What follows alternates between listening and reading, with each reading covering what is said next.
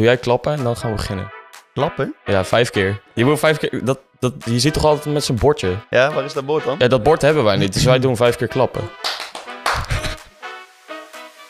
Oké. Toch weer, hè? Krijg je toch weer voor elkaar. hè? Hoi, leuk dat je luistert naar Elementary, de podcast waar we praten over geloofsvragen.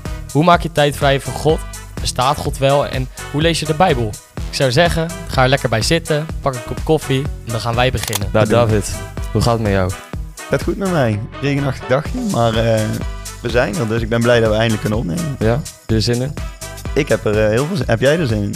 Ja, ik heb wel zin in. Wel even, ehm, even iets nieuws. Dit is ook sowieso iets voor nieuws. mij. Microfoon in je gezicht. Ja, vandaag willen we het hebben over, eh, over de Bijbel. Yes. Ehm, en eigenlijk is de vraag, moet je de Bijbel letterlijk interpreteren? Zeker, ja, mooie vraag. Ehm, ik denk ook best wel een belangrijke vraag. Ik kan me namelijk wel voorstellen dat als mensen de Bijbel voor zich hebben, het is best een dik boek, dat je je dan afvraagt, ja, moet ik alles wat ik, eh, wat ik hierin lees ook eh, letterlijk interpreteren? Ehm, wat misschien handig is om te doen, is om eerst wat meer context te geven over wat de Bijbel is, zodat we weten waar we het over hebben. Ja. Ehm, de Bijbel is één boek, maar bestaat eigenlijk uit 66 boeken. Ehm, moet ik het goed zeggen? Je hebt er 39 in het Oude Testament en 27 in het Nieuwe Testament. Het woord testament, dat kun je trouwens vertalen als eigenlijk als verbond. Dus je hebt het oude verbond en het nieuwe ehm, verbond. Wat ik sowieso een heel tof feitje vind, is dat die, die 66 boeken, die zijn eigenlijk geschreven over een tijdbestek van ongeveer 1500 jaar. Dus dat is wel iets heel tofs. Want dat betekent dus dat de, de, de eerste schrijver bijvoorbeeld en de schrijver een stuk verderop, dat, dat, dat, dat kon echt honderden jaren schelen. En om dan, eh, om dan te zien dat daar uiteindelijk, wanneer je al die boeken bij elkaar brengt, nog een logisch verhaal uit voortkomt. Ja, dat, dat, dat is wel vet natuurlijk. Wat betreft de schrijvers, je hebt plus minus 40 schrijvers. En wat wij eigenlijk geloven als christenen is, eh, is dat die schrijvers geïnspireerd zijn door God tijdens het schrijven van Ja. wat zij hebben geschreven. Dat kun je op eigenlijk best wel een leuke manier kun je dat ook terugzien. Ehm, want we hebben natuurlijk ook oude documenten hè, van, op basis waarvan we de Bijbel eh, ja, hebben ehm, gemaakt. Ehm, en in die documenten zie je bijvoorbeeld wel eens een spellingsfoutje staan. Het was sowieso in die tijd eh, was het niet gebruikelijk dat iedereen kon schrijven. Maar daar zie je dus een heel klein stukje van het menselijke, dat er wel eens spellingsfoutjes in zitten. Maar tegelijkertijd, de boodschap, dus de, de, de kern, dat is dan het, het goddelijke aspect, eh, aspect, zeg maar. En ja, als we het gaan hebben over de Bijbel interpreteren, wat ik denk ik heel belangrijk vind, is dat eh, je goed moet weten dat er heel veel schrijfstijlen in de Bijbel voorkomen. Om er eens een paar te noemen, je hebt bijvoorbeeld eh, biografie, je hebt poëzie, je hebt profetie, je hebt wetten, je hebt brieven, je hebt gelijkenissen, je hebt allemaal van die verschillende schrijfstijlen. En eigenlijk eh, lopen die soms ook nog wel eens door elkaar heen. Dus het is best belangrijk om, ehm, om te snappen waar je op het moment aan het lezen bent, zeg maar. Ja. Maar klopt het dan allemaal nog wel? Nu het zo'n verzameling is van schrijvers, van eh, zo'n lange, zo'n lang tijdsbestek, van zoveel Mhm. verschillende genres.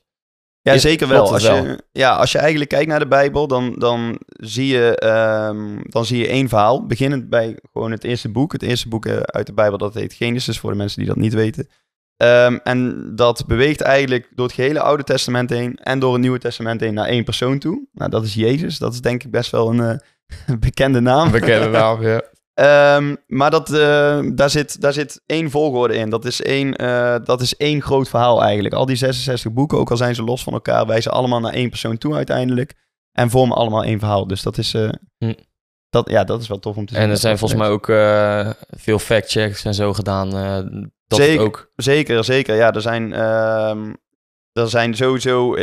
Als je, als je ehm, de claim gaat maken dat bepaalde documenten bijvoorbeeld bijbels zijn... daar, ehm, daar wordt wel naar gekeken. Dat, dat is heel belangrijk, denk ik. Ja.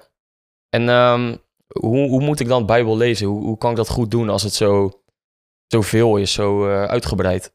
Ja, je, je hebt eigenlijk, kijk, je hebt de verschillende schrijfstijlen, zoals ik eh, net al aangaf. En het is, sommige zijn wat makkelijker te herkennen dan, dan andere. Ehm, neem bijvoorbeeld de gelijkenis. Je- Jezus eh, noemde zichzelf in de Bijbel eh, wel eens eh, de deur of de goede herder. Hm. Ehm, daarmee bedoelt hij niet letterlijk dat hij Ja. herder van beroep was. eh, Metafoor. of letterlijk een deur was. Dat is logisch, die zijn makkelijk te herkennen voor ons.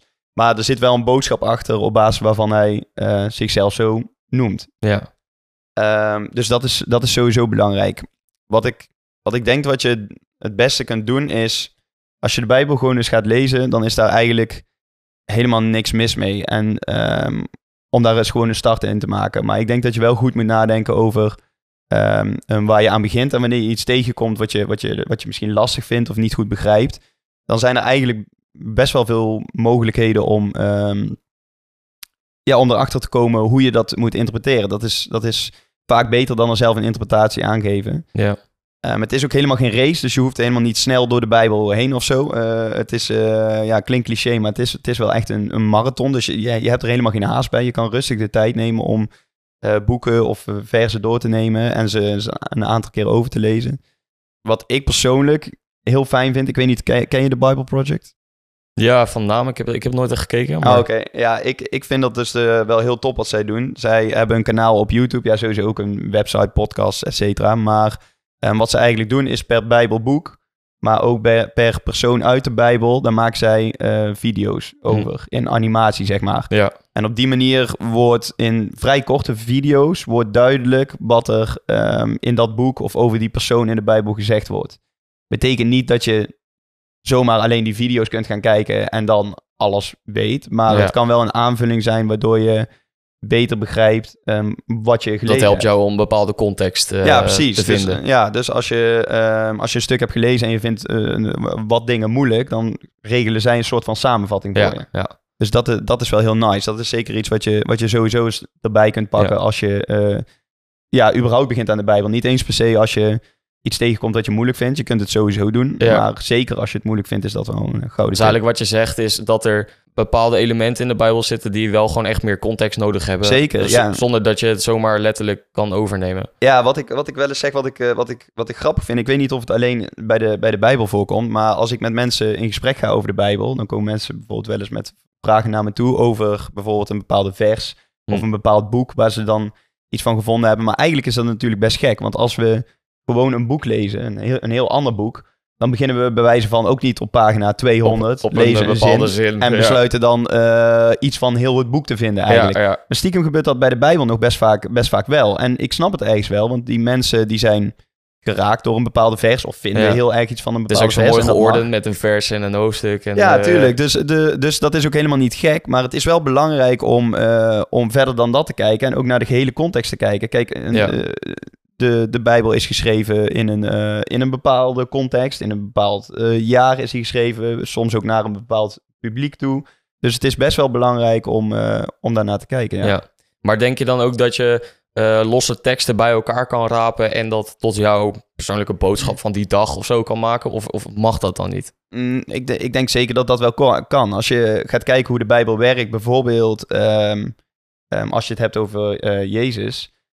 Hij werd eigenlijk, ik gaf het net al aan, eigenlijk vanaf het begin af aan, dus ook in het Oude Testament, voor de, voor de mensen die het misschien nog niet weten, in het Nieuwe Testament gaat het, uh, gaat het met name over Jezus, maar hij wordt ook al uh, vele keren wordt hij genoemd in het Oude Testament. Want het gaat eigenlijk om een persoon die we, uh, die we gingen verwachten, die ons zou redden van onze zonde. En daar worden al heel veel, ja, profetieën heet dat dan, dus voorspellingen werden, werden er al gedaan in het Oude Testament waarin hij genoemd wordt. Ja. Dus die zou je eigenlijk los uh, kunnen pakken en kunnen kijken van oké, okay, naar welke persoon zijn we, uh, zijn we op zoek? En uiteindelijk kom je dan achter, wauw, Jezus voldoet aan al die ja. eisen, om het zo zeg maar te zeggen. Dus soms moet het zelfs dat uh, Ja, dat soms moet het zelfs. Ja. En ik denk, ik denk zeker dat, dat, um, dat als je het wil, um, dat je gewoon de Bijbel, de Bijbel kunt openslaan en eens kunt gaan zoeken van, van wat heb ik voor mezelf nodig en Ja. dat God daarin leidend kan zijn, sowieso. Okay. Ja. En dan kijken we dan naar van die, um, van die grote verhalen, zoals mm -hmm. Jezus die op het water loopt. Ja. Uh, zoals uh, Mozes die de, die de zee doet splijten. Ja. Hoe kijk je daar dan naar? Vind je dat dan niet heel raar? Denk, ja, je, dat... denk je dat dat letterlijk is gebeurd? Ja, dat, dat, dat klinkt natuurlijk uh, best wel onwerkelijk. En ik snap, ik snap het ergens ook wel. Ik moet, ik moet eerlijk zeggen, um, voor mij is dat ook best wel een proces geweest. Ik weet nog wel vroeger dat als er dan bijvoorbeeld iets in de gemeente werd verteld, of waar dan ook, um, over iets wat ja, vrij onwerkelijk klonk, Hm. dat je dan uh, toch al best snel een beetje moeite had met het, ja, ik weet niet, het geloven ervan of zo. Dat je, Ja. Maar wat ik altijd probeer te onthouden, in ieder geval voor mezelf, is als we geloven dat God de maker van de hele schepping is, kan hij ook aanpassingen maken binnen heel die schepping. Ja. Ehm, en wat ik, wat ik denk, wat het ook een beetje is bij mensen, in ieder geval eh, als ik voor mezelf spreek, is dat we of ik heel graag dingen willen eh, onderzoeken, heel graag dingen willen begrijpen, heel graag dingen willen snappen. En dat, dat is oké, daar is in principe niks mis mee. Maar wat je wel moet onthouden, denk ik, is dat op het moment dat wij God zouden kunnen inkaderen in ons verstand, Hm. dan is hij niet God. Zo, zo, zo werkt het niet, zeg maar. Dus ook met betrekking tot die verhalen, als we onszelf als standaard gebruiken, dan is alles wat eigenlijk buiten ons kunnen valt, automatisch onwerkelijk of klinkt Ja, onlogisch. Maar wanneer we God als standaard stellen, dan eh, is het logisch dat die dingen voor ons automatisch, ja, wij geven het bijvoorbeeld het woord wonder eh, aan, eh, dat dat wonderlijk voor ons is, omdat het, omdat het buiten ons kunnen omgaat. En dat, maakt, dat geeft juist, denk ik, Ja. de ruimte. Dat is juist ook een, een deel van wie God Ja. is. Geloof ik, deel van ik. geloven is natuurlijk ook niet zien, maar is letterlijk geloven. Ja, ze- ja zeker. En ehm, ik, eh, ik weet niet, ken je de muziekgroep Maverick City? Ja, ja. Ja, ik, eh, ik luister best vaak muziek van ze. Het is een Engels, Engelstalige. Engelstalige groep. Maar ehm, laatst was ik ook een nummer van ze aan het luisteren. En de Nederlandse vertaling gaat zeg maar... Als ik aan het einde van mezelf kom, dan kom ik aan het begin van u. Ehm, Oeh, moet ik even checken zo voor je. Ik weet niet helemaal... ja, ik, ik, heel mijn list staat vol. we, zet- we eh, zetten het in de, in de beschrijving. ja, precies. Heel mijn, heel mijn list staat vol met nummers van hun. Dus Ja. eh, ik weet uit mijn hoofd even niet welk nummer het is. Maar ehm, ja, dat zegt natuurlijk wel wat. Als ik aan het Sorry, einde van wat, mezelf wat kom. erin? Als ik aan het einde van mezelf kom, Ja. dan pas kom ik aan het begin van u Ja. eigenlijk. Ja. Dus dan geef je de ruimte om God, eh, God zijn werk la- te laten doen. Ik geloof ook echt dat, dat ehm, onmogelijke situaties er zijn om juist de ruimte voor, voor God te geven. Omdat voor hem wel alles mogelijk is. Dus wat betreft die verhalen, ik geloof, tuurlijk, tuurlijk zit er ook een, ehm, misschien wel een les achter. Dat, dat, dat, dat geloof ik zeker wel. Eh, met zulke wonderlijke verhalen, daar is bijvoorbeeld heel groot geloof misschien ook wel Ja. voor nodig, ehm, denk ik. Maar, ehm, en überhaupt zitten er nog veel meer andere lessen, lessen in eh, de verschillende verhalen, denk ik. Maar ik durf wel te zeggen dat die, dat die verhalen ook eh, letterlijk zijn gebeurd. Omdat Ja. we geloven in een God die, die die dingen mogelijk maakt. En volgens mij kan je ook verhalen op meerdere manieren interpreteren van de Bijbel. Ehm, je kan een bepaalde boodschap uit het verhaal van, eh, Mhm. van Jezus die over het water loopt eh, halen. Tuurlijk. Eh, bijvoorbeeld je- dat je naar Jezus toe moet gaan of dat Jezus al naar jou onderweg was. Ja, maar je kan er inderdaad ook naar kijken van letterlijk er is een wonder gebeurd en hij liep op het water. ja juist. dus zeker. je kan zo ook volgens mij bepaalde verhalen op heel veel manieren bekijken. Zeker, ik denk, ik denk dat het zeker zo is. En ik denk dat het ook iets van per persoon verschillend is. Misschien zelfs ehm, wat je per, per verhaal eruit haalt, zeg maar. Dus wat een boodschap is die misschien persoonlijk op jou van toepassing is. Ja, Het enige belangrijke is dat je daarbij wel kijkt ehm, naar wat bedoelt uiteindelijk ook de Bijbel. Zodat je niet zelfinterpretaties eh, gaat doen. Ja. ehm, die je misschien zelfs ook wel kunnen schaden. Waardoor je misschien wel een idee van God krijgt dat, dat, dat niet gelijk ligt aan wie God is. Ja. En mm, ja, dat zou, dat zou zonde zijn. Dus dat, dat is wel iets om voor te waken. Maar zeker als je, als je een verhaal hebt waarbij je eh, jezelf... eh, en misschien is dat bij het ene verhaal meer dan bij het andere verhaal. Als je je daardoor aangesproken voelt en daar eh, echt een mooie les uit, uithaalt. Ja, tuurlijk. Tuurlijk is het, eh, kan dat. Ja. Ja, dus het is enerzijds is persoonlijk, maar aan de andere kant moet je altijd op zoek gaan naar die context en moet je het eigenlijk gaan factchecken eh voordat je het echt... ehm, Zeker, tuurlijk. Je mag, Ja. er, ja, je mag er, natuurlijk mag je de lessen uithalen, maar het is wel belangrijk om het ook bij het woord, woord te houden en ehm, te blijven onderzoeken, jezelf daarin te blijven uitdagen. Hè? Wijsheid is Ja. een heel belangrijk begrip in de Bijbel. Blijf jezelf daarin uitdagen en blijf op zoek naar wat is nou de waarheid die, die er vanuit Bijbels perspectief wel mee bedoeld wordt. Ja. Je bent zeker, zeker vrij, denk ik, om, ehm, ehm, om, een les, om een les te halen uit het verhaal. En misschien is dat voor de een een bepaalde les en voor de ander een andere Ja. les. Dat weet ik niet. Dat, eh, dat is persoonlijk, denk ik. Nou, dan eh afsluitend, Yes. concreet antwoord op de vraag. Moet je de Bijbel letterlijk interpreteren? Wat denk je? Ja, het is, het, het is een beetje een rot antwoord. Je moet de Bijbel letterlijk interpreteren waar je hem letterlijk moet interpreteren. Dus het ding is, je moet gewoon, eh, of ja, moet. Je, eh, wat je het beste kunt doen, is op zoek gaan naar ehm, wat lees ik hier op, op dit moment. En ehm, wat is de Bijbelse boodschap die, daar, die daarachter ligt. En ik denk dat het alleen maar iets, iets tofs is. Je kunt het, natuurlijk kun je het gewoon snel doorlezen. Maar ja, misschien is dat iets van mij hoor. Maar Ja. ik vind het best wel leuk om, gewoon een tekst erbij te pakken en dan eens op onderzoek te gaan van, yo, eh, waar, waar gaat dit over? Waar gaat het naartoe? Eh, zo, zo, zo hou je jezelf lekker bezig en Ja. ook nog eens met iets van God. Dus, ik en denk op dat basis van geloof kan je het zeker letterlijk nemen. Zeker, ja, Ja. Denk, denk ik wel. Ja, zeker. Oké. Heb jij nog een paar goede tips misschien voor, de, voor, voor het zoeken naar, de, naar context van een Bijbelverhaal? Ehm, ja, die, die Bible Project, dat, dat is er sowieso één dan. Ehm, omdat ja, ik persoonlijk het gewoon heel fijn vind wanneer ik er ook beeld bij heb. Hè? Want dan, dan word je een soort van meegenomen door het verhaal heen. Hm. Ehm, dus dan snap ja, ik vind dat persoonlijk fijn, dan snap ik het beter. Ja. Je hebt daar ook best wel verschillende boeken volgens mij over. Die gewoon, die je er lang zou kunnen houden en die je door de Bijbel eigenlijk meenemen. Als het ware. En natuurlijk Ehm, spreken met je vrienden, met je familie. Ja, tuurlijk. Je, je, ehm, je, je, kunt het er, je kunt het er met eh, vrienden over hebben. eh, misschien met je ouders als die geloven. Of eh, ik denk dat je ook altijd vrij bent, eh, tenminste als het goed is, om een kerk binnen te lopen. ehm, Ja. Of ons Als het goed is. te contacten. Mag, mag ook zeker. Ja, ja. En op die manier eh, ja, daar vragen over te stellen. En gewoon nieuwsgierig te blijven. Ik denk dat dat belangrijk is. Dat er helemaal niks, eh, helemaal niks mis mee is. Dat het juist een leuke uitdaging is. Ja. Oké, nou bedankt voor je antwoord, eh, David. Eh, ik zou zeggen, al, al heb je hier nog vragen over, eh, neem gewoon contact met ons op en dan kunnen we met jou eh, erover over sparren. Zeker. Dus thanks voor het kijken en we zien jullie bij de volgende aflevering.